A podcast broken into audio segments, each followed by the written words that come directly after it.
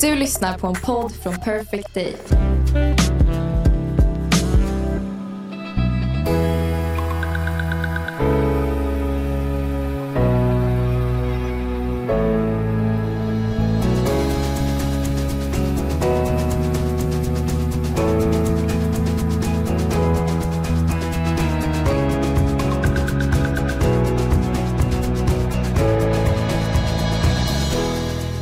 Uppfattningarna om Pascal Engman går isär. Från uppblåst manschauvinist som tjänar miljoner på frossande kvinnomord till en hyfsat respekterad och åtminstone på Instagram hyllad deckarförfattare. Vecka efter vecka i podden och på Instagram ljuger han för oss och kanske också för sig själv om sitt liv. Vet vi egentligen någonting om Pascal Engman? Eller har han stulit hela sin personlighet från Alex och Sigge? Välkommen till min sanning Pascal Engman. Tack så jättemycket. Spännande. Det där är alltså introt om Alex Schulman där jag bytte ut tre ord ungefär. Aha. Eh, Det var ganska, ganska hårt intro i min sanning. Ja, verkligen. Eh, först tänkte jag ta alla frågor som ett pikt grepp, men så orkade jag inte skriva av dem. är du nervös då?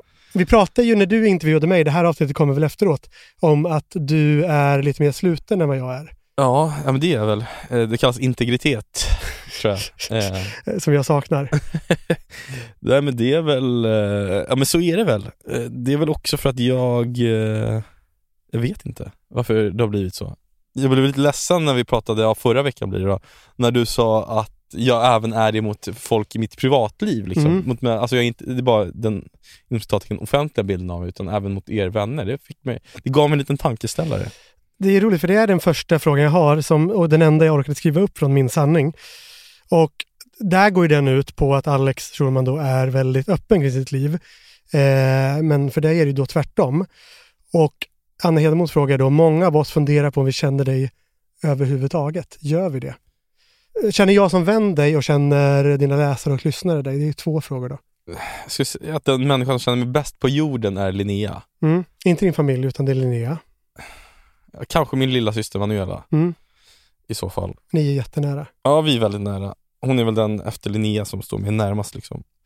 Men jag tror att jag är ganska transparent mot, alltså mot dig och de vi umgås med. Mm. Alltså David, Elias, Lars.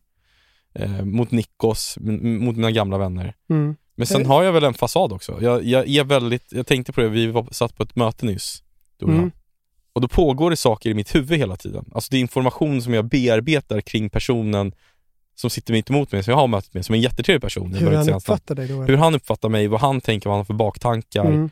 varför han säger som han gör. Det pågår hela tiden i mig på ett sätt som jag tror, jag vet inte om det har blivit värre de sen, senare år, men jag tror, jag tror att jag alltid haft det i mig att jag hela tiden tänker väldigt mycket på hur jag uppfattas i andra människors ögon. Var kommer det ifrån tror du? Ja, men jag tror det handlar om, som jag var inne på i något poddavsnitt, att min pappa är flykting från Chile och jag var liksom enda med utomeuropeisk bakgrund på Östermalmsskolan i Stockholm. Mm. Att jag anpassar mig till eh, min omgivning väldigt mycket. Jag är väldigt bra på att liksom, passa in på olika ställen. Jag tror inte andra märker det, men jag tror att du och de som är nära mig märker när jag är Mm. mitt riktiga jag. Och eh, när jag är liksom... Eh, Men du vill inte bryta mot regler? Men jag vill inte bryta Du vill göra rätt? Ja, men jag vill göra rätt, men jag vill också så här, jag, är, jag har ju en, Jag är ju inte mig själv i väldigt många situationer. I eh, offentliga rummet och möten på krogen och så? ja, men så är väl alla i och för sig. Inte alla så, det är bara det att jag tror diskrepansen mellan vem jag är egentligen och den jag är i, med människor jag inte känner, är väldigt, väldigt hög. Eftersom Mm. jag hela tiden är så mån om att anpassa mig efter att de ska, inte tycka om mig, men att jag ska göra någon, att jag inte vill att jag vill inte att de ska känna att jag tar upp deras tid. Men är det, för det, jag tänkte fråga om det egentligen senare, men är det så, när, när vi är ute på landet och är på i landsorten och pratar om våra böcker, då Ja. kan du säga jag är uppvuxen på Östermalm och Johannes kommer från Hallstahammar. Ja. När vi är i Stockholm, då säger du jag är uppvuxen i Sveriges fattigaste område. alltså du, du ändrar den där bilden. Ja men det är ju för att det finns ju ingen sann bild av mig, jag vet knappt heller vilken Båda bild är ju sann liksom. Ja men båda är ju sanna men det är samtidigt så, så här, ja visst absolut, vi hade jätte Vi hade ont om pengar när jag Mm. växte upp Samtidigt när jag var i 11-12 års ålder gjorde min familj en jätteklassresa Mm. och hade väldigt gott om pengar under några år så att jag har, ju, jag har ju alla de här olika värdena i mig och det är väl den brottningsmatchen som hela tiden pågår inom mig. Jag vet ju knappt själv var jag står. Jag liksom, för det är ju sant, jag växte upp i ja, Stockholms fattigaste Mm. område, det, det säger jag ju skämtsamt också eftersom det var Lappkärrsberget. Det är mycket studenter skrivna där. Ja, det är därför det är Stockholms fattigaste område liksom. Men någonstans är det ju sant också. Mm. Ehm, det var Stockholms fattigaste, det är Stockholms fattigaste Ja, och ni hade ju inte pengar själva, så Nej, ingen, nej. ingen lögn på så vis. Nej, nej men så att jag, jag vet inte. Jag tycker att jag, jag har nog inte själv riktigt förklara så mycket om mitt liv egentligen. Jag tänker väldigt sällan på mitt liv. Du är väldigt, jag tänker på det när vi pratar i podden, att du minns väldigt mycket saker ur din barndom. Mm. Jag minns väldigt, väldigt få saker ur min barndom. Jag, Men- jag, jag minns knappt någonting. Eh, Varför då? Har du, har du någon gång funderat över det? Eh, min mamma hävdar att det är för att jag har förträngt det mesta. Mm. Men jag, alltså jag, jag, jag, jag har inte haft en dålig barndom. Jag har haft en jättebra barndom med två föräldrar som älskar mig. Däremot har jag nog varit ett olyckligt barn. Utan, Har det varit det? Ja, det har varit. Men Vilka utan, år pratar vi om då? Men jag var nog olycklig. Jag har varit olycklig från det att jag var noll till att jag var, tills jag träffade Linnea egentligen ska jag Mm. säga. Tills jag var 29 var jag då. Och vad bestod, vad bottnade olyckan i? Ja, men det, för det går inte så här, jag hade inte en pappa som misshandlade mig, en pappa som var elak mot mig. Nej. Jag hade så bra föräldrar som älskade mig. Men bara ett utanförskap. Mm. Alltså att jag, och jag längtade hela tiden bort från mig själv, från mitt liv. Jag, jag berättade i, i någon podd om den här gången jag badade med Oscar, min Mm. systers son, i Chile. Att jag insåg att det var första gången i mitt liv jag var lycklig. Jag var liksom 24 år gammal då. Och då fattade jag första gången, det var första gången, jag, jag vet inte om det var lycka, men jag förstod nog mer att jag längtar inte bort från den här platsen. Nej. Tidigare kunde jag vara på jätteroliga fester, på jätteroliga liksom, saker med Expressen, med, ja, med jätteroliga sammanhang, men jag längtade alltid bort Mm. till något bättre, till något större. Vilket jag eh, är nog ett grundackord i min person. Mm. Och det är det fortfarande någonstans, för jag, jag kan inte jag nöjer mig inte med det jag har, eller jag vet att det alltid finns en annan växel som jag längtar till och då blir jag väldigt dålig på att, eh, på att vara i nuet, även om jag har blivit bättre på senare år. Men jag, jag tycker, det, när, när du säger det här nu, du har aldrig sagt det här till mig. Och eh, jag har däremot pratat om liknande saker i kanske 30% av våra poddar. Och inte ens då har du nämnt det. Säg, alltså, Ja men Vad vad, vill du att jag ska säga? Du, du frågar ju nu. Jag sitter i en intervju nu. Det är nu jag... du har sparat det, för fint att du sparat till min intervju med dig. Ja exakt, jag vill ändå ge dig något bra i den. Men känner du dig hemma i Chile då?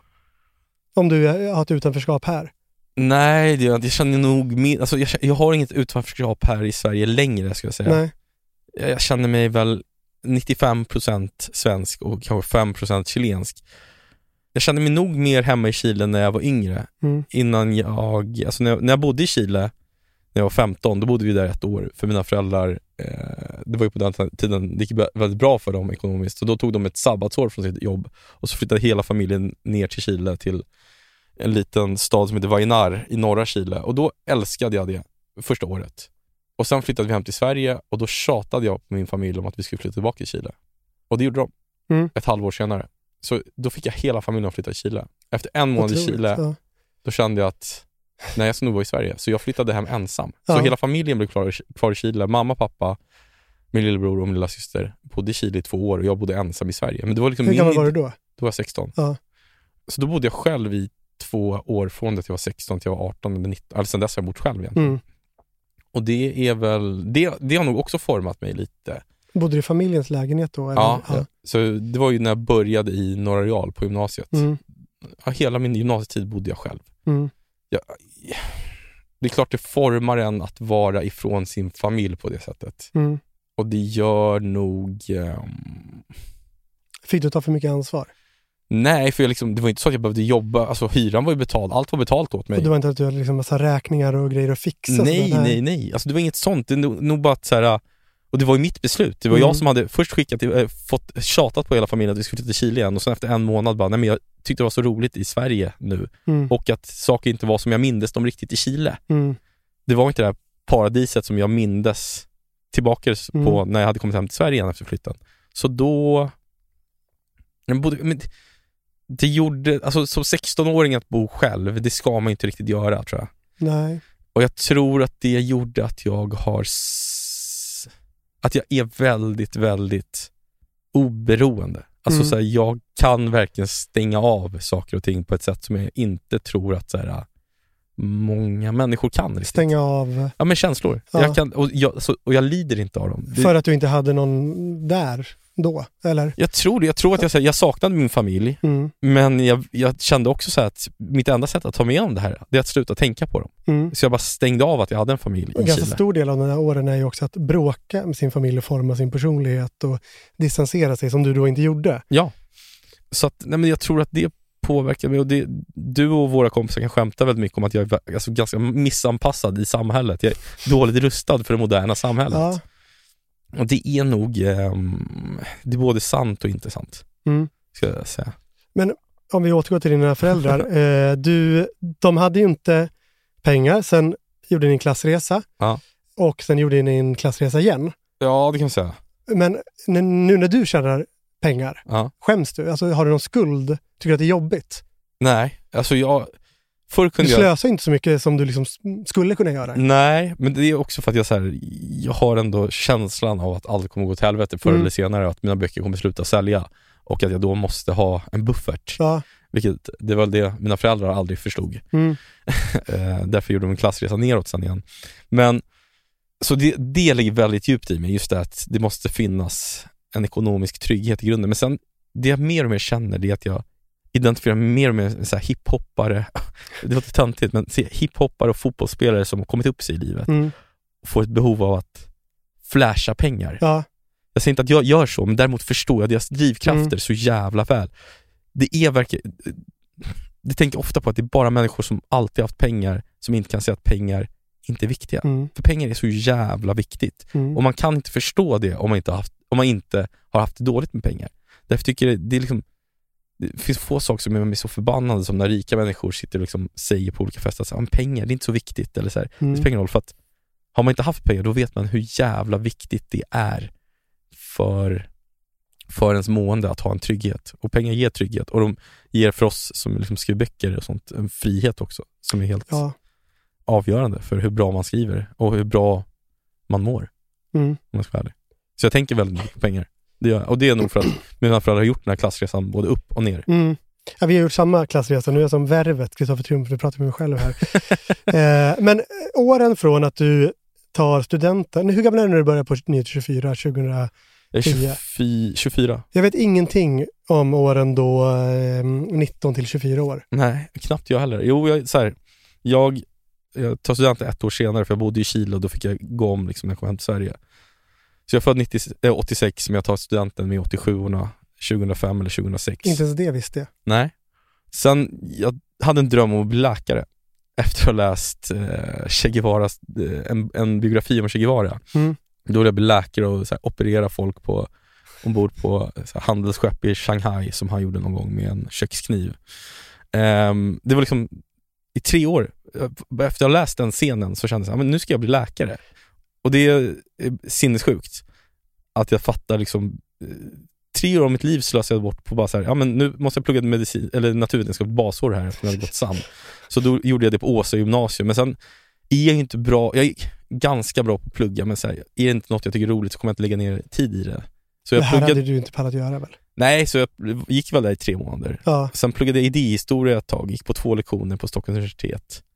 Och sen samtidigt så jobbade jag på mina föräldrars företag. Eh, de hade så här hotellhem eh, där liksom, min mamma är socionom i grunden så att när, förr var det så att om folk blev vräkta från sina lägenheter till exempel, då, då tog eh, SOS, då betalade SOS för att liksom, eh, bosätta de här människorna på olika hotell i Stockholm. Och det blev väldigt dyrt så då skapade ja, men mamma och pappa då eh, ett sorts permanent sånt hotell som var mycket billigare. Mm. Eh, där man placerade, där socialförvaltningen i Stockholm placerade folk. Och där jobbade jag i receptionen och liksom med eh, administrationen i kanske två år. Mhm. Eh, så det var ju det jag gjorde och då liksom Det var inte den här vandrarhemsgrejen du berättade om tidigare? det Nej, det var ju min, det var ju min pappa. Han, han har haft många liksom, eh, affärsidéer. Han var ganska bra affärsidé. Han, varje sommar då så, han såg att många skolor i Stockholms innerstad stod tomma på somrarna. Och tänkte att det är väldigt bra lokaler att göra liksom billiga vandrarhem av. Mm.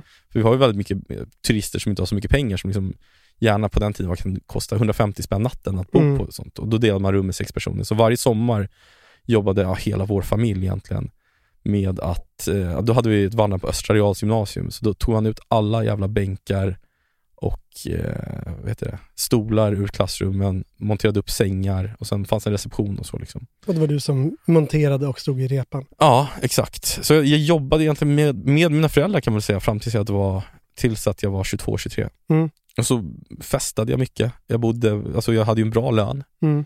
Så jag, och så bodde jag, mina föräldrar när de flyttade hem från Chile så köpte de en lägenhet och då bytte de bort hyresrätten de hade Mm. mot en eh, trea som jag fick. Jaha.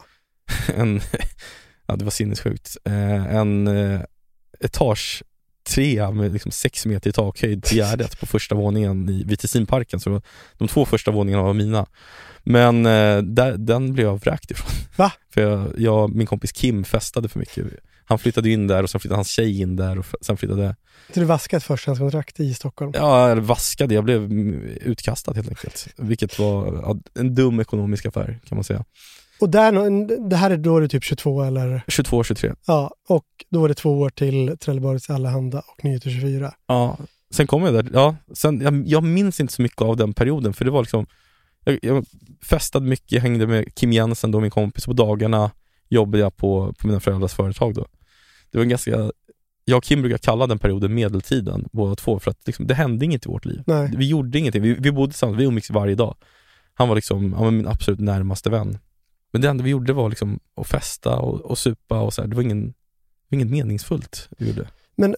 Var, alltså så här, för att steget från det till att plötsligt liksom helt hängivet kasta sig in i, alltså att satsa på, på att bli journalist utan utbildning och liksom skriva, skicka krönikor till varje tidning i Sverige. Va, vad händer där som gör att du... För så gör man ju vanligtvis inte nu för tiden när man söker jobb. Nej, och det var väl, alltså jag skulle säga att det var blogg, bloggvärlden slog igenom. Mm. Och jag märkte att det fanns ett nytt, alltså jag kunde nog analysera att det fanns ett, ett nytt medielandskap där det öppnade sig. Mm. Och att jag kände, alltså jag, var, jag förstod att jag hade talang för att skriva och jag hade väl alltid tänkt lite på media liksom, för jag hade alltid känt att det skulle passa mig. Mm. Och sen så när jag började skriva så märkte jag direkt att folk gillade det jag skrev. Folk började liksom kommentera och sånt. Och då, jag kommer ihåg jag satt där på det här tråkiga jobbet liksom för mina föräldrar och så såg jag en annons för Aftonbladet eller Expressen att de sökte sommarvikarier. Och då skrev jag bara ihop en krönika, Mm. alltså så här, om något ämne som jag sen, sen letade jag fram massa mailadresser till olika tidningar i Sverige och så skickade, jag ut den. Och så fick jag då svar från Trelleborgs Allehanda och den här Rickard Frank som sen gav mig jobb för att jag hade åkt 60 mil, för han såg väl någonting i dels i engagemanget och dels i liksom, nivån på, på min text. Det var sommar 2010. Det var sommar 2010. Det var, då, då skulle jag göra en kundtidning för, för Trelleborgs Allehanda Mm. först, för jag kunde bli anställd. Och då hade jag två veckor på mig, sa han. Och sen gjorde jag klart den på två dagar. Och då skulle precis kulturredaktören gå på semester och då sa han, ta det jobbet då. Otroligt. Ja, alltså det är ju så här. Det låter ju töntigt med så här sliding doors ögonblick, men det var ju ändå någonstans, jag tror att skulle Skulle jag bara gjort den här kundtidningen och åkt hem sen så hade jag nog inte blivit journalist sen. Nej. Jag hade ju inte blivit författare då heller. Ja, det, är, det är otroligt faktiskt. Jag ska återkomma till det, men jag har en scen här och det är nog ungefär precis den här vevan i ditt liv. En person möter dig på Stureplan tror jag och frågar Tja, vad, Pascal, var är du på väg?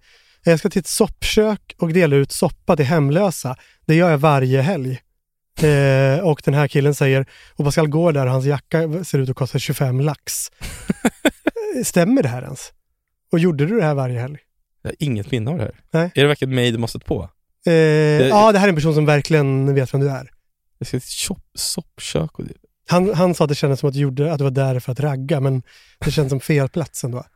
Alltså kan, kan jag bara sagt det här för att för att det skulle vara någon form av, att du skulle verka sympatisk eller? Nej, snarare för att så här, det är så tråkigt att bara säga att så här, "Nej, jag ska bara gå och köpa ett par byxor här borta. Du Utan ville, att jag då, jag vill liksom skapa innehåll. kanske. Eh, För jag, jag har aldrig, vad jag minns i alla fall, engagerat mig i, ja men någonting. Det enda jag fan engagerat mig i, det är den här läsgrejen jag gör nu. Mm. Men an, an, annars har jag aldrig gjort någonting gott. Det är jävligt sorgligt. Vem har gjort det? Ja, men jag gick ju tillbaka igår och läste din gamla blogg på 9024. Mm. Men när jag skickade olika skärmdumpar till dig så blev du varför läste du det här skrev du? Det var liksom inte ha ha ha. Du var, du var orolig.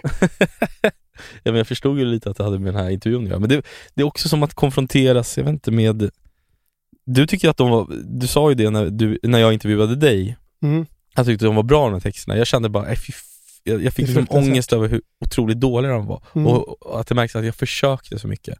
Och att jag var så djupt influerad av Alex Schulman, vilket jag var.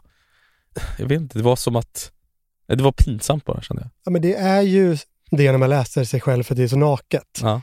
Eh, för det är ju innan man har kommit dit man vill. Mm. Eh, så här finns det bara den här nakna patetiken och viljan. Ja. Men det som jag slogs av var när jag läste just bloggen.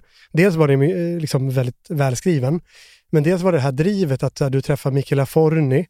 För du har identifierat att hon är någon eh, som ehm, kan, dels kan vara bra att träffa, bra att skvallra med och kanske intressant content för din blogg. Och du anställer Anita Clemens heter hon nu, men då Schulman. Eh, och du liksom, ja men du, du gör en Jag massa saker. som bloggare ja. Ja, precis. Eh, även Andreas Weise. Jaha. Eh, ja, men du, du träffar en massa människor, du gör en massa saker. Du är ju väldigt driven. Det är som att liksom, du lägger upp en karriärplan redan då och bygger ett nätverk på ett sätt som är, för mig, det kommer liksom från att du, från att du liksom håller på och bär omkring på, på sängar i Östra Real till att, du, till att du håller på med det här nätverket och bygger en mediekarriär. Det är så tvära kast. Var det medvetet eller var det bara, nu kör jag och testar allting eller vad? Nej, Men jag, först, jag tror att jag har min absolut främsta egenskap både som journalist och som, som författare. Det tror jag, jag vet Jag vet vad människor tycker om och vill läsa om. Alltså jag vet, jag vet, jag har någon instinkt för vad människor kommer beröras av. Mm. Och den tror jag att jag har levt väldigt mycket på, att jag tror att jag kände den väldigt tydligt tidigt i min karriär. Jag förstod vad som, som funkade.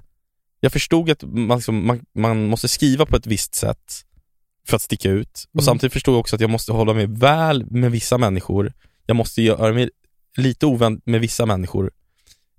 Jag vet inte, jag, jag förstod ganska tidigt det mediala spelet Mm. utan att jag hade någon anledning att förstå det egentligen Mm. det, det, det kan nog vara ganska så här, äh, lite stolt över ändå hur, hur snabbt jag gjorde karriär i en väldigt, väldigt konkurrensutsatt bransch. Mm. Det, tog- det tog mig ett år att gå från Trelleborgs Allehanda, att inte ha jobb någonstans till att bli värvad av Thomas Mattsson på Expressen. Mm.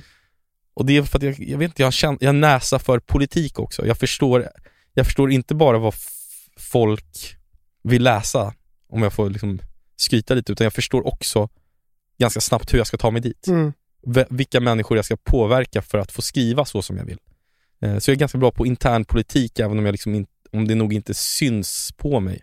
Nu är jag nog mycket sämre än vad jag var då. Men jag, Kommer det från din pappas överlevnadsinstinkt, ta sig fram, han kommer som flykting, han har tusen idéer som han förverkligar. Jag menar, bara att hyra skolorna i Sverige på 90-talet, statliga. jag tror inte att han hyrde dem, jag tror han fick dem gratis. Ja, men bara att man löser en sån grej, det känns, det känns mäckigt. Ja, ja men exakt. Och sen var det väl säkert så här, han fick idén och sen var det säkert min mamma som hjälpte Är det hon som ordnade som, det? Ja, som liksom så skrev ansökningen Mm. och sånt liksom. Ehm, ja men, ja, de har väl alltid så här, äh, lärt mig att allting är möjligt, att så här, det är inte så svårt. Eller det är svårt, men så här, jobbar du tillräckligt så kommer du komma dit. Och det är väl en inställning jag, jag vet inte, jag gick in i, jag vet inte. Jag, det känns som ett helt annat liv det där. Jag, alltså jag minns så väl hur det var att liksom jag minns dagen jag blev utsedd till nöjeschef på Nytt 24 och jag tänkte så här, det här, nu har jag nått livet, eh, nu har jag nått livets höjdpunkt liksom. Och sen när jag tänker på det nu, det tog tre veckor från att jag kom till Nytt 24 till att Kitsala Blanco som då var eh, nöjeschef blev undanskuffad Mm. och så placerade de mig där istället. Och det, alltså det är ju, jag vet inte, det, det säger väl någonting om att jag hade ett jävla driv som jag fortfarande har, men jag vet inte, jag, jag vill, jag, jag har alltid varit en ambitiös jävel. Mm. Alltså så är det. Och du har alltid trott att du ska förlora allt. Det hänger väl ihop. Ja, lite så också. Så, men sen också att jag, hade så här, jag hade trygghet, mina föräldrars företag är jättebra då, så jag hade tid att liksom satsa på allt det här. Mm. Jag kunde liksom gå all in på att försöka bli journalist eh, och känna ekonomisk trygghet, trygghet ändå. Det är det ju inte alla som kan, därför Nej. kunde jag satsa på ett annat sätt.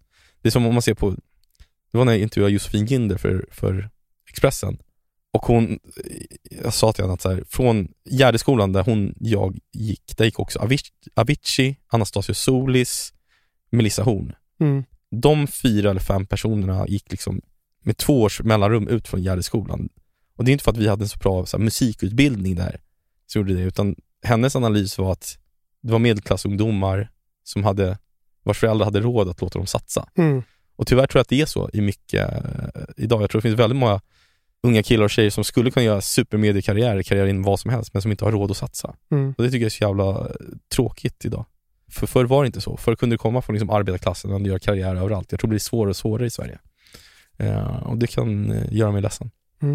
Jag ska läsa ett blogginlägg här från 2010. Just det, det är en grej jag måste skriva. Mannen på bilden heter Pascal Engman. Kom ihåg honom, för han kommer bli framgångsrik utav helvete. Jag, Kom vet, jag, vet- jag avbryter det. Jag vet, jag vet vem, vem som skrivit det här inlägget. Kom ihåg att jag sa det, förutsatt att de slutar på 9.24 i tid, för det var äckligt eller någonting så. Vem, vem har skrivit det? Kalle Schulman. Precis, det är alltså inte Alex du har kopierat hela livet, det är Kalle. Det var han som tog det under sina vingar först. Det gjorde, det gjorde han. Jag tror att han var den första personen jag intervjuade för 924 också. Det är också någon som skriver där att du är psykopat under den här. eh, det brukar sägas att människor med psykopatiska drag blir det. Eh, och sen hänvisar de till din blogg som du hade på Finest, det har jag aldrig hört om. Ja, Vad var det för blogg? Nej, men det var nog under den här tiden jag och Kim bodde tillsammans och jobbade med föräldrasföretaget. Jag bara startade. Vi hade en blogg tillsammans också. Eh, vi, den var ett tag en av Sveriges tre största bloggar, men det var också för att vi, gick- vi såg någon hack i systemet att man kunde gå in och länka till sin blogg i andra blogg, bloggar. Så vi ägnade liksom en arbetsdag åt att gå in och länka vår egen blogg i ja, tusentals bloggar. Så vi blev liksom Sveriges tredje största blogg under ett par dagar, eh, bara på våra länkar. Eh, men, eh, ja, men det, det inlägget minns jag väldigt väl, för jag tror att det var första gången jag kände att en etablerad person inom media trodde på mig. Eh, så jag minns, Otroligt. jag, jag minns faktiskt det väldigt, väldigt väl. Eh, det var därför jag bara på några få rader nu kunde sätta avsändaren direkt. På första två bokstäverna. Ja, i stort sett.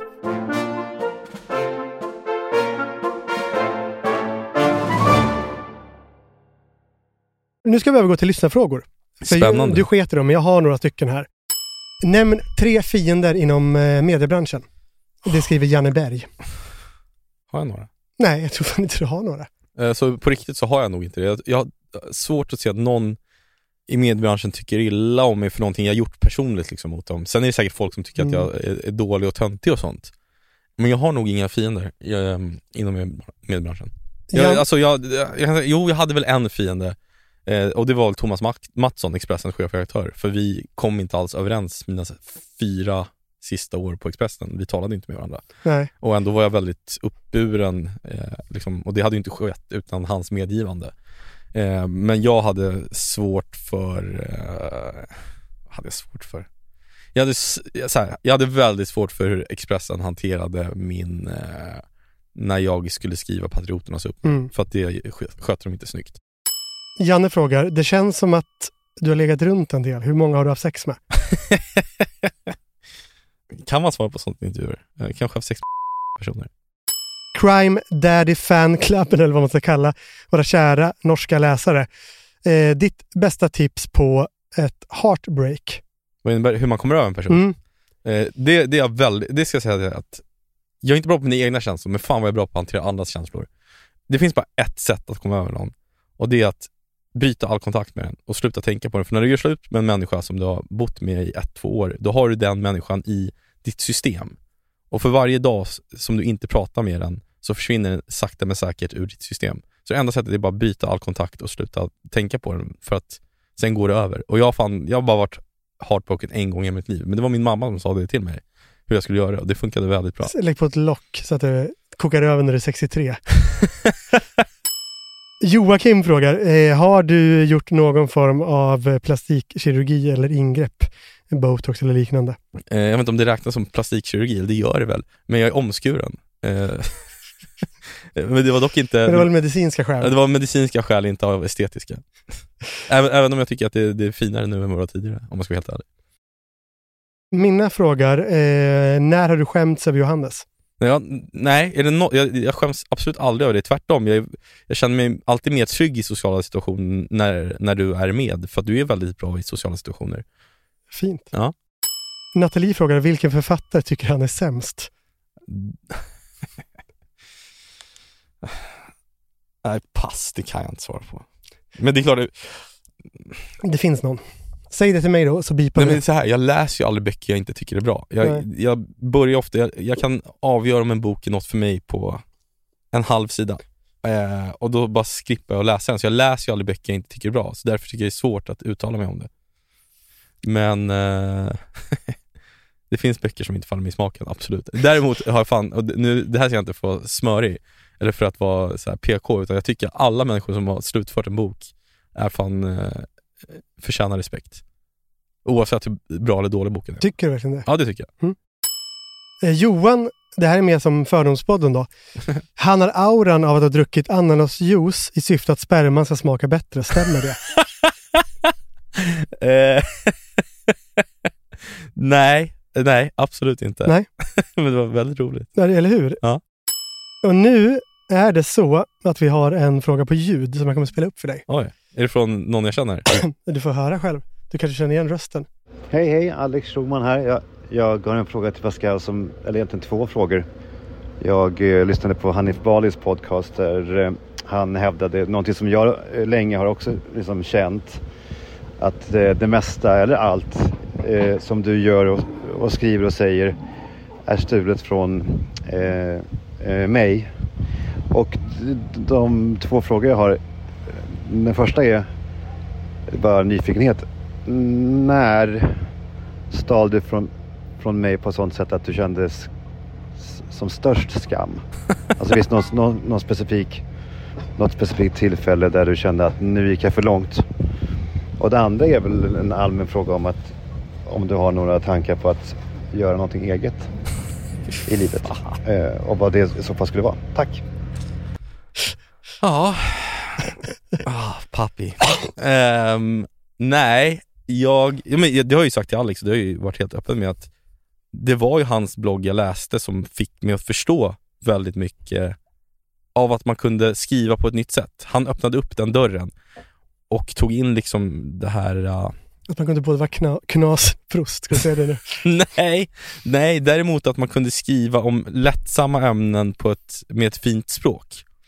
Eh, och det, men jag, alltså jag är ju väldigt, det är klart jag är väldigt influerad av Alex när jag skriver för att det var någonstans när han började blogga som jag lärde mig skriva, som jag fick upp ett, an, ett nytt intresse, eller ett fördjupat intresse för språk. För jag tycker han, sk- han skrev så otroligt intressant. Så i början, mina, jag ska säga mina fem första år i, i liksom mediesvängen, nej mina tre första år så var jag väldigt, väldigt influerad av Alex och liksom men sen tyckte jag att jag gick, jag har gått ifrån det där väldigt mycket Eh, Jag skriver ju böcker som som väl Som bara är knasen. Ja, exakt. Nej men som liksom Han utgår ju mer från sig själv i sitt, skrivande jag, min, Inte krönikor i och för sig, där finns det ju ett samhälls, Absolut, Eh, och det är väl något han har utvecklat. Ja, men- definitivt, eller grund. Absolut, men han, jag utgår ju alltid från andra människor när jag skriver.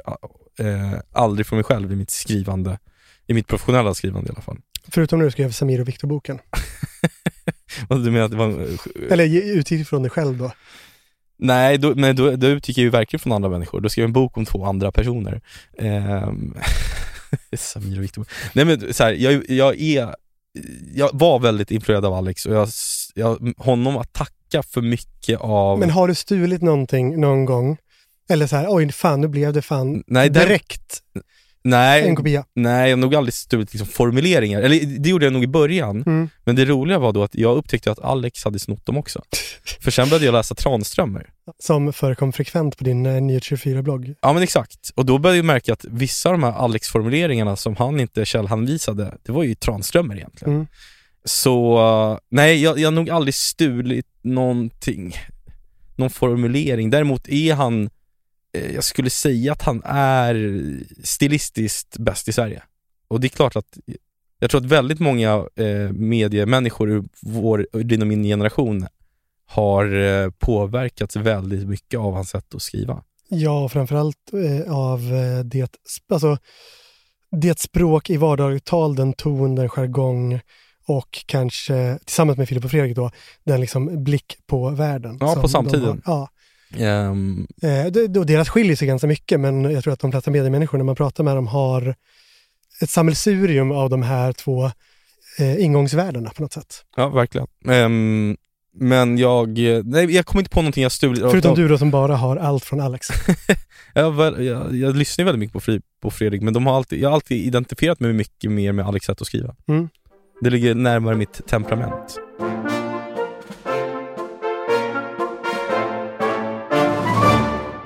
Nu ska vi... Du var ju en väldigt duktig intervjureporter på Expressen. Tack. Eh, så nu har jag en tombola här med frågor du har ställt till andra. Nej, fy fan. Eh, gamla Pascal möter-frågor. Visste du att hon var 14 år gammal? Så du ställde till Nemo Hedén. Ja, just det. Eh, fast vad ska jag svara på den? Jag liksom, Det var bara roligt. eh, men så här, ponera att du och jag blev osams och du skulle ha ihjäl mig. Hade du kommit undan då? Det var den första, det ställde jag till Leif GW. Mm. Eh, nej, jag tror inte att jag hade kommit undan då. Eh, vad hade du gjort? Om du råkade nu hit, hit ett ihjäl argument. Ja, eh, säg att du liksom, du puttar mig, jag slår bakhuvudet i dörren. Ah, jag hade väl ringt våra agenter och frågat hur vi gör de ekonomiska. Ja, du hade också velat säga, kan jag skriva över lite rättigheter på Magda i alla fall, kan vi, som att du skulle sona måste- ditt brott. Så. Ja, exakt. Dina föräldrar satte dig, och det här har jag också gjort om, i Norra Real där du i stort sett var ensam chilenare. Eh, för att du skulle ta dig någonstans här i livet. Där ställde du till GV då. Känner du när du super med Margot och känner så många kända personer att du lyckats fullfölja det dina föräldrar ville? Nej, däremot tycker jag att jag tycker om att umgås och prata med kända personer och det gör jag av en specifik anledning. Det är för att de ofta varit med om väldigt mycket i sina liv. Och att de har blivit intervjuade mycket så att de har tvingats tänka igenom sina svar och sina livsberättelser och fogat samman dem till intressanta, liksom lättsmälta berättelser som jag gillar att ta del av. Så att du slipper koncentrera dig. Nej, men jag Så att tycker, det alltid är ett ingress, ingresscitat. ja men lite så, Nej, men sen, alltså, sen älskar jag ju att liksom, sitta och prata med en A-lagare också, men jag, alltså, så här, jag tycker Men grejen är också, A-lagare är oftast förvånansvärt bra på att uttrycka sig. Ja, absolut. Ja, för de har suttit och pratat väldigt mycket på Mm. olika bänkar. Ehm, men eh, det är klart, jag tycker det är intressant med människor som inte lever samma liv som jag, att prata med dem och lyssna på deras liv. Hur är det att älska med Pascal Engman?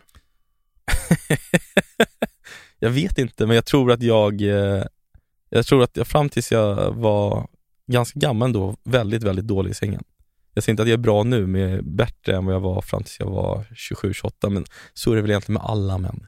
Jag tror inte... eh, Sen är det också så här, sex är ju någonting som man måste, precis som med allt annat, man måste ju träna upp sig, tror jag. Mm. Jag tror väldigt få människor är liksom väldigt bra i sängen eh, naturligt. Mm. Även om vissa eh, har det. Hur många asylsökande ska Sverige ta emot per år?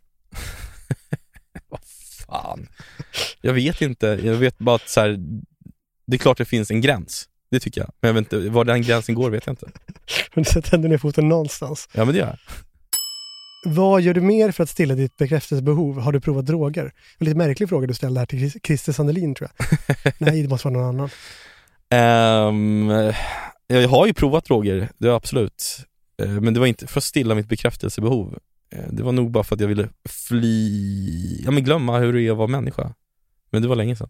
Har du något annat sätt att stilla bekräftelsebehovet på? Men jag har ju ett väldigt stort bekräftelsebehov. Det har jag ju. Alltså nästan ett omättligt. Um, framförallt ska jag säga från Linnea. Jag hade köpt en ny tröja igår och då sa, frågade jag fyra gånger om hon tyckte den var snygg. Och till sist, och jag, jag glömde bort varje gång vad hon svarade. Mm. Så till sist sa hon så här, nu har du frågat mig fyra gånger om jag tycker att den är snygg. Du, du måste sluta fråga mig nu. Eh, så jag har ett väldigt stort bekräftelsebehov, men främst från henne. Blir du raggad på när du är på krogen? Raggas, raggar folk på dig alltså, om, om jag var otydlig? Ehm, nej, inte tydligt, men däremot märker jag ju mycket mer tydligare nu än förr att jag kanske är attraktiv i fler kvinnors ögon. Mm. Eh, att det finns ett annat intresse för mig, alltså folk som kontaktar mig kanske och, och sådär. Eh, och jag har ju blivit utbjuden på liksom, tja, vill du ta ett glas vin med mig? Eh, och då har jag ju tackat nej eftersom jag har en flickvän då. Mm. Men, eh, och det, jag tror att skulle jag vara singel nu så skulle jag nog bli raggad på mer än, än vad jag blev för tio år sedan. Hur många hus äger du egentligen? Jag äger väl ett hus i Chile. Det svenska? Ja men det äger ju marken än så länge bara, Ja. för huset är inte byggt. Mm. Så jag äger mark i, på Torsö i, vad blir det, i Vänern. Och sen äger jag delar av huset i Chile. Och så min lägenhet då. Du var otrogen, det är ingen fråga, men det var så du ställde den. Eh, har jag varit otrogen? Ja, alltså inte de senaste 15 åren. Det har skett i liksom pauser. Mm. Ehm, Du har haft mycket pauser. jag har haft mycket pauser, fram till Linnea egentligen. Ehm, då hade jag ofta pauser och det var väl någon sorts ventil för att kunna vara med andra utan att eh, vara otrogen. Samtidigt som jag minns också att jag, jag fick alltid så dåligt samvete när jag skulle ha sex då. Att Mm. jag sällan fick upp den, så att säga. Eh, jag kunde inte prestera. För du Eh, kände att du höll på att Ja, för att- bort det som kunde komma eh, tillbaka efter pausen. Eller? Ja, och att jag hade dåligt samvete mot den tjejen jag hade paus från. Så jag, jag liksom fungerar inte sexuellt när jag har dåligt samvete. Har framgången vid något tillfälle fått dig att tappa fotfästet? Alltså, det kan vara att man börjar umgås med människor som kanske visar sig mer vara människor som ger en bekräftelse eller bländar en. Det behöver inte vara något stort så att säga. Ja, i början var det nog så väldigt mycket när just, alltså när allt gick så bra med min debutroman Patrioterna och Hollywood köpte rättigheterna och sånt, då blev jag väldigt indragen i det där. Jag har hört rykten om detta från en anonym källa. Ja, men jag, jag, liksom, jag tappade väl fotfästet lite skulle jag säga. Mm. Vad, vad gjorde du då liksom? Ja, men det var inte så att jag liksom gick och spontant köpte en bil eller så. Nej. Utan det var mer att jag tappade kompassen för, alltså jag hade jätte, jag och Linnea hade någon sorts kris där. För att Mm. jag liksom, jag gick helt in i det här med att nu skulle jag vara författare, det är det enda jag eh, ska syssla med och jag måste gå på middagar i stort sett varje Mm. kväll. Eh, och det får jag göra för att jag är författare. Och där glömde jag bort liksom vem jag var och vad jag tycker är roligt. Nu är jag ju, så här, jag är ju mer framgångsrik än någonsin, men jag är ju aldrig någonsin ute på krogen eller jag träffar ju väldigt få människor. Den människa jag träffar mest är ju dig. Och liksom våra väldigt nära vänner, så vi, vi ses väl en gång i månaden nu för tiden. Utöver det har jag inget socialt liv. Så att jag, jag tappade fotfästet där ett tag, inte så att jag liksom började knarka eller blev galen eller, eller liksom blev otrevlig mot folk eller tror jag, eh, blev dryg, absolut inte. Men jag liksom, jag började tappa lite det var främst min relation till Linnea som blev Mm. lidande av det. Hur tog hon det här? Vad sa hon till dig? Nej, men det var hon som sa det till mig. Eh, och det är jag ju väldigt tacksam för. Och jag är väldigt dålig på att ta kritik. Eh, jag har alltid varit det. Förutom om, alltså det var kanske det också som jag eh, tyckte så mycket om med Linnea, att hon, jag visste att hon gav mig kritik utan att hon var baktankar. Mm. Och det var första gången jag kände att den här personen är ingen baktanke med det den säger, utan den säger det av ren kärlek, för att Mm. den vill att jag ska vara en så bra version av mig själv som möjligt. Eh, och det var första gången jag kände det med någon och därför betydde det så mycket när hon sa det och då eh, liksom, fattade jag det, även Mm. om det tog ett tag. För jag tyckte att i början förstod hon inte vad jag sysslade med, men sen började jag inse att hon har ju rätt. Var det en starfucker-period så att säga? Eh, Att det var folk som var eh, framgångsrika på olika sätt som du då gick ut? Ja, men lite med. så. Lite så. Och jag, så här, men jag kompromissade, alltså, det låter så abstrakt för jag, jag, jag, för jag har inte sagt ord på det, men jag, ja, men jag var ute alldeles för mycket. Alltså det får man väl vara, men så här, jag, jag tyckte inte det var särskilt roligt. Jag, jag, blev upp, så här, jag, jag blev lite uppslukad av hur människor såg på mig för att jag nu var författare Mm. och inte liksom Expressen-reporter. Jag, jag, jag, jag, tju, jag tjusades av tjusningen i deras ögon. Mm.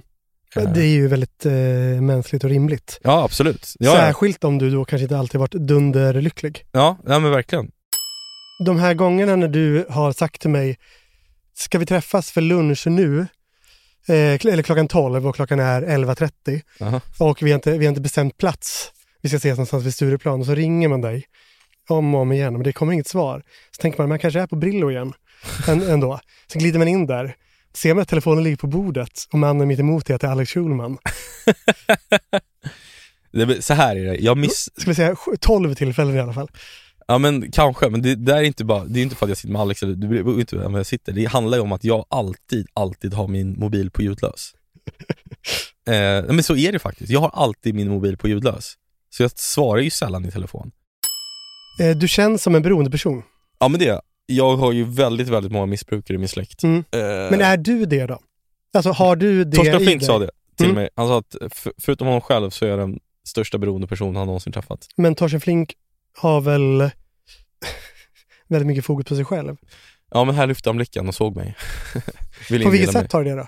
Nej men jag är ju, jag går ju in i saker, jag, men, så här, jag, jag tror, alltså jag ska hålla mig från eh, allt vad liksom droger och sånt heter. Jag är en person som, jag tror att enda anledningen till att jag inte har blivit alkoholist, Mm. det är att jag blir så pass bakfull att jag inte kan prestera dagen efter. Hade jag, som vissa av mina vänner har liksom inte påverkats av sin bakfylla, då Mm. hade jag när jag var ung varit ute och supit varenda dag. Men jag, jag förstod ganska tidigt, dels för att jag såg varnande exempel i min egen släkt på folk som blev alkoholister. Och jag alltid hade med mig i bakhuvudet. Men också ehm, för att jag förstod ganska tidigt att jag inte var en person som kunde gå ut och festa till tre och sen göra ett bra jobb morgonen efter. Men hade jag varit en sån person, då hade jag definitivt varit alkoholist idag. Det här är en grej i vår vänskapskrets. För eh, kanske två år sedan så var du den person som satt kvar bland de sista på middagarna. Sen över en natt så blev du personen som 21, 30, 22 där någonstans bör, börjar flacka med blicken, eh, reser dig för att gå på toaletten, kommer tillbaka och har betalat notan. För alla andra också. Ja, och sen eh, tja, tja, jag, jag ska gå. Varje middag. Vad, vad hände? Vad ligger bakom detta? Eh, Dels att jag fick barn. Eh, ja, men det här kom faktiskt, det här kom kanske, okej det är inte två år sedan, det är ett år och fyra månader sedan då. Vi hade barn och detta pågick Eh, fortfarande. Men jag skulle säga att det pågått gått längre, alltså även innan jag fick Benjamin. Men det är någonting att jag får, jag känner att kvällen inte kommer bli bättre än vad den är. Jag Mm. känner det väldigt tydligt och att jag, jag är ju en väldigt, väldigt introvert person. Man tror ju inte Mm. det, men jag är verkligen, det är inget så här som jag bara slänger mig med, som vissa säger att de är narcissister eller vad man kan säga. Så jag är en extremt introvert person och när jag har varit tre timmar i ett socialt sammanhang, då måste jag få vara ensam. Jag måste komma hem och sitta och titta på TV eller läsa en bok. för när Jag du är- fungerar inte annars. Nej, för när du har de här Andreas Weiss-mötena på stan, de här av, liksom avlägset bekanta, Kristin Kaspersen eller någon, Ja. eh, glider förbi. Är det påfrestande då? Nej, det, det här sker ju liksom dagligen i ditt liv. ja. Du skiner upp. Eh, men samtidigt när man ser det på, när vi är på någon form av mingel med våra böcker eller någonting, då lider ju du liksom konstant. ja. Eller middagar med förlag och sådär. Nej, men det är ju för att då har jag, alltså när jag möter någon på gatan, då har jag en väg ut. Då Mm. vet jag att jag, jag kommer, det här mötet är bara upp till mig. Jag, jag, det här pågår så länge jag känner för det.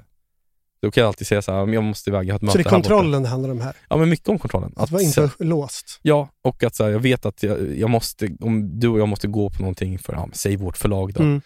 Så är det ändå att, jag- då krävs det ändå av mig att jag är där en viss tid. eh, Mm. För att jag, så här, jag vill inte att folk ska tro att jag så här, är Inte värdesätter dem. Ja exakt, och jag värdesätter ju folk, det är bara det att jag inte gör det kanske på, jag tycker inte om att umgås socialt med många personer. Jag är en person som mår så absolut bäst när jag sitter med en person. Mm.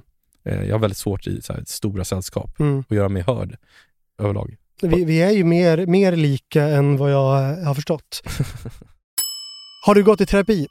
Eh, ja, När då? eh, när jag och mitt ex gjorde slut så gick jag hos en psykolog kanske fyra gånger. Eh, Privat eller via landstinget? Eh, privat, Eh, Hjälpte dig? eh, inte alls. Nej. Var det KBT eller psykodynamiskt? Eller vad? Ingen aning. Nej. Jag satt hos en psykolog på Söder och pratade. Märkte att jag började ljuga lite och sen insåg jag att det inte var något för mig. Du vågar, eh, konflikträdd, den konflikträdda personen i dig vågar inte avsluta direkt eller? Nej nej, jag, nej men jag fortsatte, för jag tänkte så här, jag kan inte döma det här på, bedöma om det här hjälper mig på, på en eller två gånger, men sen när jag hade gått fyra gånger kände jag så här, men det här, jag, tror, alltså jag tror att terapi är jättebra för alla människor egentligen. Men sen tror jag också att så här, viss, jag har inget behov av att gå i terapi. Eh, Och du lurar inte dig själv där? Nej men många tror det, men jag tror inte att jag gör det för jag är, jag, så här är jag, jag var ju en olycklig människa, jag var inte olycklig, men jag var en sorgsen person, Mm. en sorgsen figur. Lite också för att jag ville vara det, jag tyckte det var lite coolt, eller jag tyckte så här, jag hade någon tes om att så här, äh, lyckliga människor var ointressanta. Och någonstans tycker jag fortfarande det stämmer. Jag tycker, Till viss del är det så. Ja men till viss del är det så, men idag är jag ju fan till stora delar en lycklig person, men det är också för att jag kunnat välja mitt liv, jag har kunnat välja varje beståndsdel av mitt liv Mm. och lägga upp mitt liv exakt så som jag vill det. Alltså i yrkesmässigt, hur många timmar om dygnet jag ska jobba, varifrån i världen jag ska jobba, allt sånt där. Eh, Jag har liksom, behöver aldrig eh, ta i trä, nu i alla fall, oroa mig för pengar liksom. Och det, det har väl skapat någon sorts lycka i mig som jag, eller en, en grundlycka som jag har. Jag kommer inte ihåg vad frågan var från början, men jag, jag tror inte att jag behöver terapi för jag är inte olycklig. Jag, har, liksom, jag är så jävla nöjd med mitt liv med men Linnea Benjamin med mitt jobb. Jag har liksom ingenting jag kan klaga på i mitt liv. Sen har jag, om jag eventuellt hade en, en inte en olycklig barndom, men en barndom där jag ofta var olycklig. Mm. Så det är faktiskt ingenting som påverkar mig idag, utan snarare tror jag att jag använder det i liksom karaktärer jag skapar och scener jag skapar i så fall. Och det är ingenting som jag som påverkar mig i mitt dagliga liv. Och den här slutenheten då? Har- hänger inte det ihop med det? Jag tror också att den här slutnyheten, den bottnas ju också i att jag det handlar mycket om att jag hatar känslan av att jag tar upp andra människors tid. Mm. Så jag är en person som inte låter människor ställa frågor till mig. Det enda jag pratar om mig själv med i stort sett, det är ju Linnea. Mm. Men det är också för att jag vet att hon är intresserad av det. Jag ser inte hur mitt liv kan vara intressant i andra människors öron. Och framförallt är det inte intressant för mig, så då tycker jag det är mycket mer intressant att höra andra människor prata. För att jag gör dessutom om deras berättelser till stories som jag kan använda sen i mina böcker, i mitt skapande. Mm. Så därför är det, här, det är inte en slutnyhet som är att här, jag är rädd för att prata om vissa saker. Jag tycker bara det är så jävla ointressant att prata om vissa saker i mitt liv. För att, Det måste vara en plåga då, att sitta och prata om. nej men jag, ty, jag, tycker, jag tycker det är ganska trevligt att bli intervjuad. Mm. Det, det har jag alltid tyckt, men det är också för att, jag vet inte, jag tycker, det kanske är för att det är sluten och jag inte tänker efter så mycket i hur det varit i mitt liv och i intervjusituationer så tvingas jag göra det. Mm. Och nu är det dessutom inte en intervjusituation så att jag vet att så här, jag vet att säger jag någonting jag ångrar här så kan jag klippa bort det. Ja. Det kan man ju i de flesta, flesta intervjuer, men Det blir inte samma jidder. Nej, det blir inte samma jidder och det är så här att jag, eh, jag vet inte. Det är, det är också märkligt att det blir intervjuad av en kompis som vet så mycket om en. Liksom. Det, ja, jo men är det. Och det är också märkligt att intervjua då. man känner att man måste liksom ta något ansvar också. för man inte gör det annars. Nu ska vi ta oss tillbaka till eh, kanske ett av ditt livs mörkaste stunder. Det är 2022, kanske november. Jaha. Jag vill liksom veta hur du mår den här kvällen, vad du tänker. Du, du går hem, du går Birger Jarlsgatan upp. Som Eh, jag alltid gör. Precis, du har Linnea älskade Vasastan. bredvid dig. Aha. Kvällen har blivit lite tidigare än du tänkte. Du har varit på Tröstrapporter, den sista föreställningen. och eh, det är ju pjäsen eh, Alex Schulmans på Dramaten. Eh, och eh, när du går där så, så tar du upp telefonen och kollar Instagram och så ser du, ja men det, det är någon Efterkaka. Ja, det är någon middag där och det är Emil Persson och Wikingsson och det är Jerka och det verkar vara, det är en efterfest och, fest och skådes, vad heter han? Gustav Skarsgård, där är han. Ja. Han är där också. Ja. Men din, din inbjudan, den har, den har kommit bort. ja, jag fick ju aldrig en inbjudan där. Vad, vad, vad tänker du när du går där Ja, regniga novemberkvällen? Ja, men dels ska jag säga så här, vi hade barnvakt bara fram till en viss tid. Men jag hade gärna, jag hade gärna, jag sa det till Linnea, jag bara, ja, men jag, jag tyckte nog det var konstigt att jag inte var bjuden. Mm. Jag tyckte det var väldigt konstigt och då tänkte jag så här, fan, Hatar han mig nu? Tänkte du så? Nej, för det var ju Alex som hörde av sig och, och bjöd in mig till liksom scen, alltså till, till var det Mm. premiären? Ja det var det va? Nej, det var den sista kvällen tror Ja det var sista kvällen ja. Det var ju Mm. han som bjöd in mig och, och, och så. Men jag tyckte det bara var märkligt. Det, var, det, var, det blev lite vajsing i skallen på mig. Mm. Jag förstod inte riktigt vad, jag. Vad du hade gjort. vad jag hade gjort. Ehm, eller om jag hade gjort någonting. Sen tänkte jag bara, men det kanske var en sån spontan grej. Sen fattade jag att det här är inte en spontan grej. Nej. Varenda, Sturehof varenda människa liksom, Det var väldigt många som i så fall var väldigt spontana den kvällen. Ja. Restauranger och gäster. Ja. Men, eh, ja, nej det tyckte, jag, det tyckte jag inte om.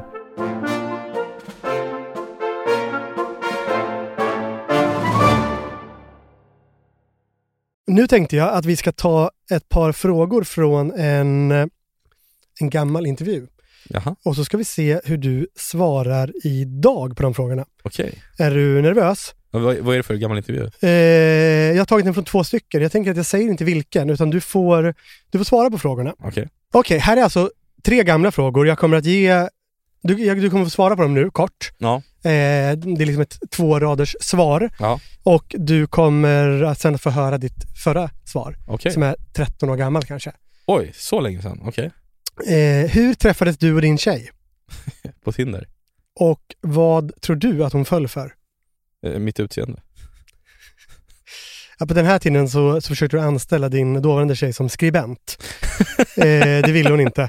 Och då bjöd henne på dejt istället och så ni blev, blev ihop. Ja. Hade jag kunnat bli metooad för det? nu? Ja, nu hade det inte alls sett bra ut. Nej. Å andra sidan så var det ju... Det såg inte så jättebra ut då heller kan jag säga. Det fanns kanske ingen koppling i och för sig, det var så ni träffades. Alltså det var ju inte så att du... Var, Eller jobbet var väl inte en del av raggningen, det blev väl...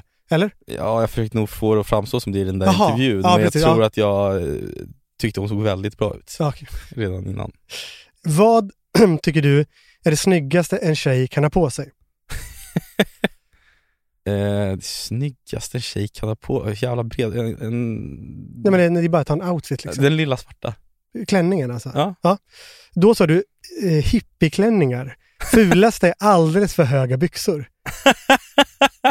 ja, det, det pratar jag Linnea ofta om. Eh, Ja. Hon tycker väldigt mycket om eh, höga byxor. Det är många som, som gör det nu för Ja. tiden. Eh, Eller nu börjar det försvinna bort Ja, igen. tack Ehm, gode gud. vilken är din favoritställning? Äh, fan. Ja, det är väl bakifrån. Ja, då kollar vi här då. Bakifrån. du ser. Men jag har gjort lite research. Jag har även Linnea svar på de här frågorna. Hur hon Oj, svarar åt dig så att säga. oj. Så det blir spännande nu. Ja, verkligen. Är du nervös? Ja, roligt grepp där. Ja, jag är så tacksam att hon också levererade detta så bra. Hon var, hon var väldigt stressad över tekniken. Vi tar svaret på den ehm, här. Förlåt. Okej, nu är det första frågan. Hur träffades du och din tjej och vad eh, tror du att hon föll för då? Ja. Ja, men den är ganska lätt. Vi träffades på Tinder för snart sju år sedan. Och det jag föll för är ju typ egentligen samma sak som jag uppskattar mest med honom idag. Och det är att, ett att han är så himla snäll alltid. Eh, men också hur han alltid får mig att känna. Alltså jag, han får mig att känna mig som att jag är en snäll person, att jag är rolig och liksom han lyfter verkligen alltid mig i alla lägen. Han Ja, tycker jag är bäst. Ja, men det är ju nog många kompisar till dig som skulle säga samma sak. Eh, ja, jag tror att... Men jag tycker det är så, så här. äh, Jag förstår inte människor som inte kan ge beröm till andra, inte bara till sina kompisar och till sina flickvänner. För Det är också ett sätt för mig att... Nej, men det, det, det, jag vet inte, det kommer väldigt naturligt för mig att lyfta andra människor för att jag tycker om att göra andra människor glada och det bästa sättet att göra en annan människa glad är att berömma den för någonting som, som den har gjort eller som den gör bra. Och så slipper du fokusera på dig själv. Ja, lite så också. Men, eh, nej, men jag, jag gör det genuint och jag tycker att Linnea, är, eh, när, alltså jag, jag tror att hon skulle kunna göra vad som helst i livet om hon bara hade bättre självförtroende. Här kommer svaret på vad tycker du är det snyggaste en tjej kan ha på sig? Alltså, Vad hon tror, vad, det jag här är vad Linnea tror, vad du, Aha, eller vet tror jag, ja. att du tycker tjejer ska ha på sig. Det är ännu lättare för att det är bara tight och det är bara kort. Och det är också många gånger väldigt tacky. Alltså, han skickar så fula plagg till mig ofta. eh, Som han vill att jag ska på mig. Och jag blir liksom sårad för att jag tycker bara, Ja, Det här var ju vad mörkt ju. fan. Ja. Så det är jätteenkelt. Ja, hon tycker Han har ganska dålig klädsmak faktiskt. Ja. Eh, men jag tycker om när han har på sig, han har börjat få ganska bra stil själv. Han har börjat ha lite så linnebyxor. Eh, t-shirts, stora t-shirts, ganska enkelt. Ja. Jag vill att han ska ha Converse men det vill han inte. Stämmer det här tycker du? Ja, men jag, jag, ja, jag klädde mig inte så bra förr. Jag inte klädde mig kat- katastrofalt. Men det Men klart, stämmer din eh, liksom, åsikt om hennes kläder? aha, nej, men jag tycker ju hon är eh, snygg så jag vill se så mycket som möjligt av henne. Det är Det tycker ju jag det är så konstigt. så Magda ofta pratar om mig, att det ska vara tajt och sådär. Ja, men det, Ehm. det jag, jag tycker väl någonstans att det är också en kärleksförklaring för vi, du och jag tillhör inte den sortens killar som tycker att kvinnor ska liksom inte ska visa upp, alltså att det finns något vulgärt eller så här inom citattecken slampigt i när kvinnor klär sig. Eh, många, många av våra, inte många, men vissa människor, män vi känner, tycker att kvinnor ska klä sig konservativt för att de tycker att det finns något slampigt i När de är motsatsen. ihop med de här Ja men exakt. Inte annars. Ja, och det, det förstår jag inte alls. det, det var tydligt här. Ja. Eh, vilken är Pascals favoritställning enligt Linnea? Ehm, hans favoritställning är väl alla tänkte jag säga. Ehm, men det, gud det här känns jättekonstigt. Alltså jag vet inte riktigt hur jag ska säga nu. Fram... Nej men jag kan inte, jag kan inte säga det. Den är, han gillar eh, Doggy då. Det är inte Doggy. Men eh, jag kände att eh, det är under min värdighet att sitta och förklara i detalj. Också som att den, är mina föräldrar lyssnar, hans föräldrar lyssnar. Vi får bara liksom så. Eh, men ehm, det känns som att hon döljer någonting här och du också. Det, känns så jävla intimt att prata om, just av den anledningen både hennes och mina föräldrar kommer att lyssna på det här. Mm. Jag tycker väldigt mycket om mina svärföräldrar. Mm. Jag vet att de ska fortsätta tycka om mig. Eh, Ja, det är så och de är väldigt privata av sig. Det är så sjukt. Ehm, nej, nej, det är inga konstigheter egentligen. Det är bara det att jag inte vill att någon ska få en bild i huvudet av hur, hur, hur jag och Linnea har sex. Jag kan, jag kan respektera detta. Ja, fint av dig. Ehm, det var din sanning det, Pascal Engman. Ja, Hur känns det? jag vet inte. Som att jag är full. Vill du ha någon avslutningslåt här? Jag har någon avs- det var någon låt jag tänkte på häromdagen som jag tänkte så här, det här är en fin låt. Det är ju alltid du som bestämmer avslutningslåtar Mm. i podden. Vi kan väl ta... Det är något ur, ur Alex och Sigge. Kiss kanske? Nej, däremot ska jag jättegärna lyssna på, eller... ehm, Jakob Mylrad? Nej, För dig med Lars Winnerbäck, den akustiska versionen. Mm. Live-versionen, den tycker jag är väldigt fin. Då Eh, avslutar vi med den. Ja men tack, vad härligt. Tack för att jag fick komma till min sanning. Tack för att du tog dig tid. Ja, det var så lite så. Jag har sett varenda vrå av Sveriges land jag har härjat runt i loger och på Grand Jag har letat efter ro för min skakande hand. Efter dig, efter dig, efter dig. Den här podcasten är producerad av Perfect Day Media.